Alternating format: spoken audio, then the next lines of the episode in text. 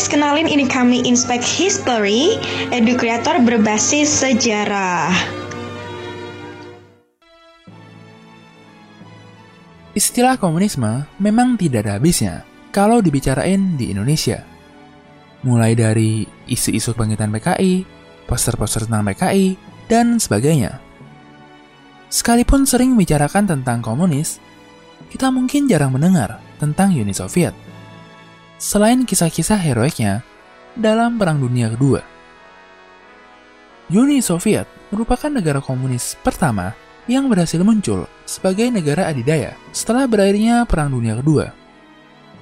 Sebagai pewaris dari kekasaran Rusia, Uni Soviet berhasil memperluas wilayahnya hingga ke Eropa Tengah melalui berbagai negara satelit yang mungkin lebih dikenal dengan istilah Pakta Warsawa.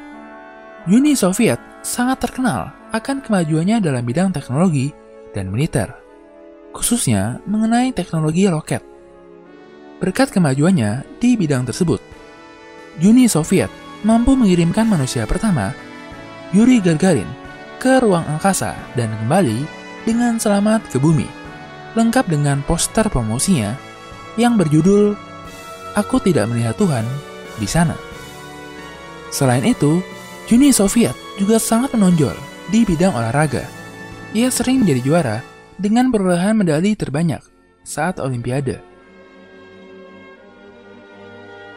Namun, dengan segala pencapaiannya, bagaimana mungkin negara itu bisa runtuh? Ingin tahu? Sebelum itu, mohon untuk di-subscribe dulu ya guys. Runtuhnya Uni Soviet sangat erat hubungannya dengan dua kebijakan yang diambil pemimpin terakhirnya, Mikhail Gorbachev. Dua kebijakan tersebut adalah Glasnost dan Perestroika, yang ia yakini sebagai alasan mengapa negara barat bisa lebih maju dari negaranya. Glasnost atau keterbukaan merupakan kebijakan yang menjamin kebebasan berpolitik dan berpendapat bagi masyarakatnya. Melalui kebijakan ini, media-media di Uni Soviet menjadi jauh lebih bebas dalam menceritakan masalah dan keadaan negara yang sebenarnya. Sedangkan perestroika atau restrukturisasi merupakan kebijakan yang bertujuan untuk mengubah sistem ekonomi Soviet dari ekonomi terpimpin menjadi ekonomi pasar, atau setidaknya campuran. Mungkin kamu bertanya, bagaimana mungkin negara yang media masanya serba disensor dan sistem ekonominya begitu terpimpin. Tapi pemimpinnya bisa mengambil kebijakan sedrastis itu. Apa yang menyebabkannya? Banyak yang menganggap Mikhail Gorbachev sebagai aktor utama yang menyebabkan keruntuhan dari Uni Soviet. Sekalipun perkataan itu tidak sepenuhnya salah, namun ada hal-hal lain yang harus kita bahas terlebih dahulu. Seperti Siapakah Gorbachev? Apakah ia seorang yang berprestasi atau seorang yang hanya mengandalkan koneksi?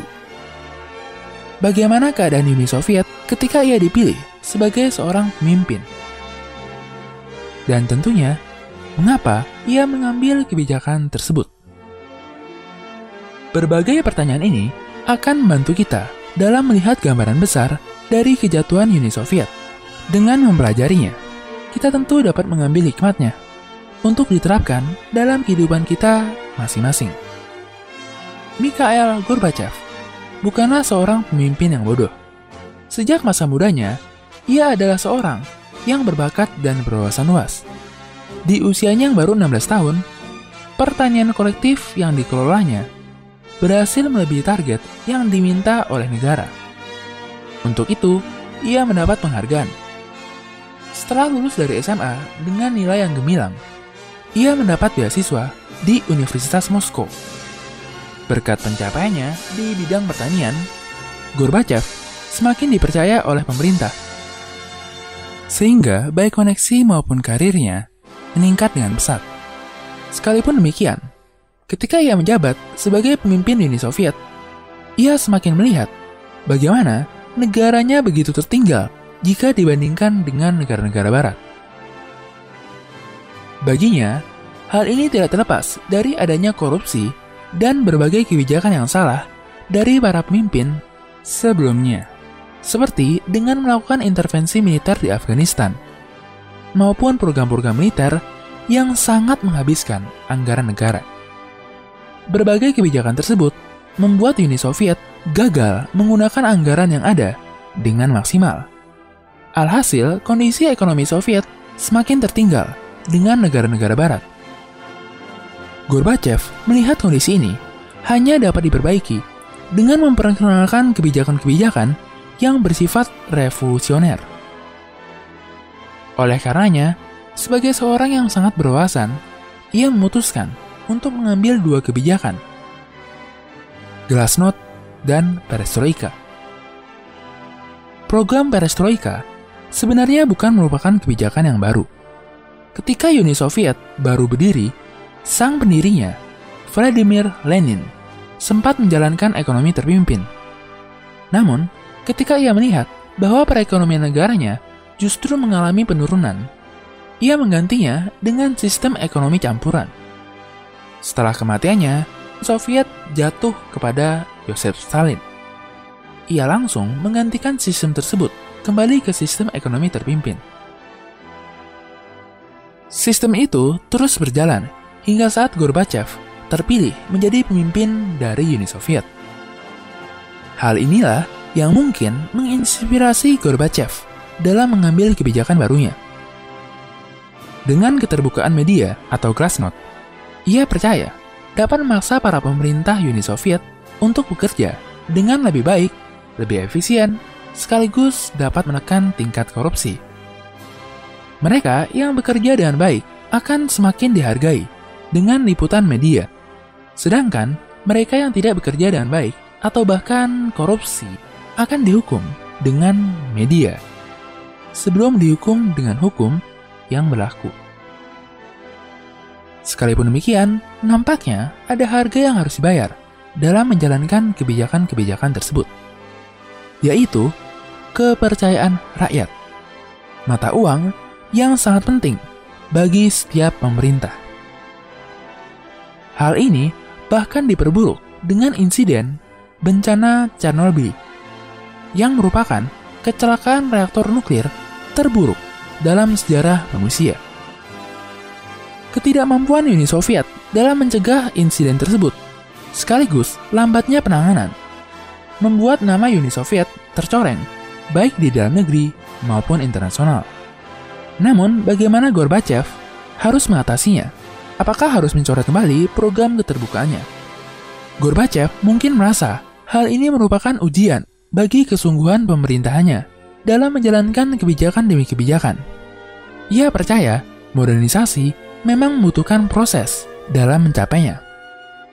Ia mengingat bagaimana pemimpin Rusia yang dikenal dengan nama Peter the Great berhasil membawa modernisasi bagi Rusia dan mengejar ketertinggalannya dari Barat. Keadaan ekonomi Soviet yang semakin memburuk memaksanya untuk memotong anggaran yang tidak terlalu penting atau diperlukan. Dari berbagai bidang, yang dipilih oleh Gorbachev adalah militer, KGB, dan subsidi untuk negara Pakta Warsawa. Oleh karenanya, kita bisa melihat bagaimana setelah kepemimpinannya, Soviet mulai mengurangi jumlah senjata nuklir beserta infrastrukturnya. Sekalipun terdengar indah dan mengejar perdamaian, pada dasarnya, kebijakan tersebut merupakan bagian dari pemotongan anggaran militer. Khususnya dalam bidang perlombaan senjata dengan negara barat yang sangat memboroskan anggaran dari Uni Soviet.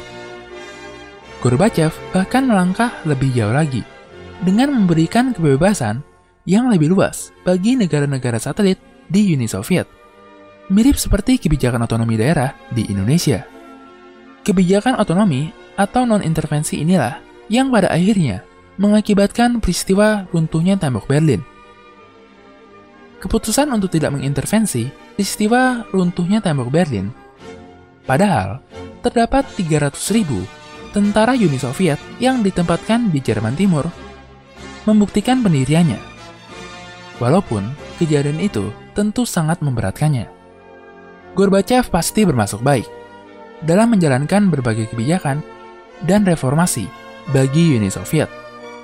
Namun, pada tanggal 25 Desember 1991, segala keputusan yang diambilnya justru membawa Uni Soviet, negara tempat kelahirannya, runtuh setelah 74 tahun berdiri. Bagaimana pendapatmu tentangnya? Apakah ia seorang pahlawan atau seorang pengkhianat besar bagi negaranya? Namun, sebelum kamu berkomentar, kami ingin menceritakan bagaimana peristiwa serupa seakan pernah dialami oleh Indonesia, yaitu pada tahun 1999 saat Timur Timur melepaskan diri. Saat itu, Gorbachev Indonesia, Presiden Habibie dengan berat hati setuju Timur Timur merdeka dari Indonesia. Kebijakan yang diambilnya seakan membuat Indonesia diejek di kalangan internasional dengan menyatakan bahwa Indonesia hanya pandai berbicara, kemerdekaan adalah hak segala bangsa. Padahal mereka sendiri juga menjajah bangsa dan negara lain. Namun, bagi kami, keputusan non-intervensi yang diambil oleh pemerintahan Presiden Habibie, khususnya setelah referendum itu terjadi, justru menunjukkan bagaimana Indonesia berusaha untuk melaksanakan amanat yang tertuang dalam Undang-Undang Dasar 1945 yang menyatakan bahwa sesungguhnya kemerdekaan itu adalah hak segala bangsa dan oleh sebab itu maka penjajahan di atas dunia harus dihapuskan karena tidak sesuai dengan pri kemanusiaan dan pri keadilan. Jadi, bagaimana komentarmu atas semua kejadian ini? Kami sangat ingin melihat komentar-komentarmu di kolom komentar. Hai, bantu kami dalam memproduksi lebih banyak konten sejarah dengan mengklik tombol subscribe. Dan jangan ragu untuk memberikan saran, komentar, atau pertanyaan. Terima kasih.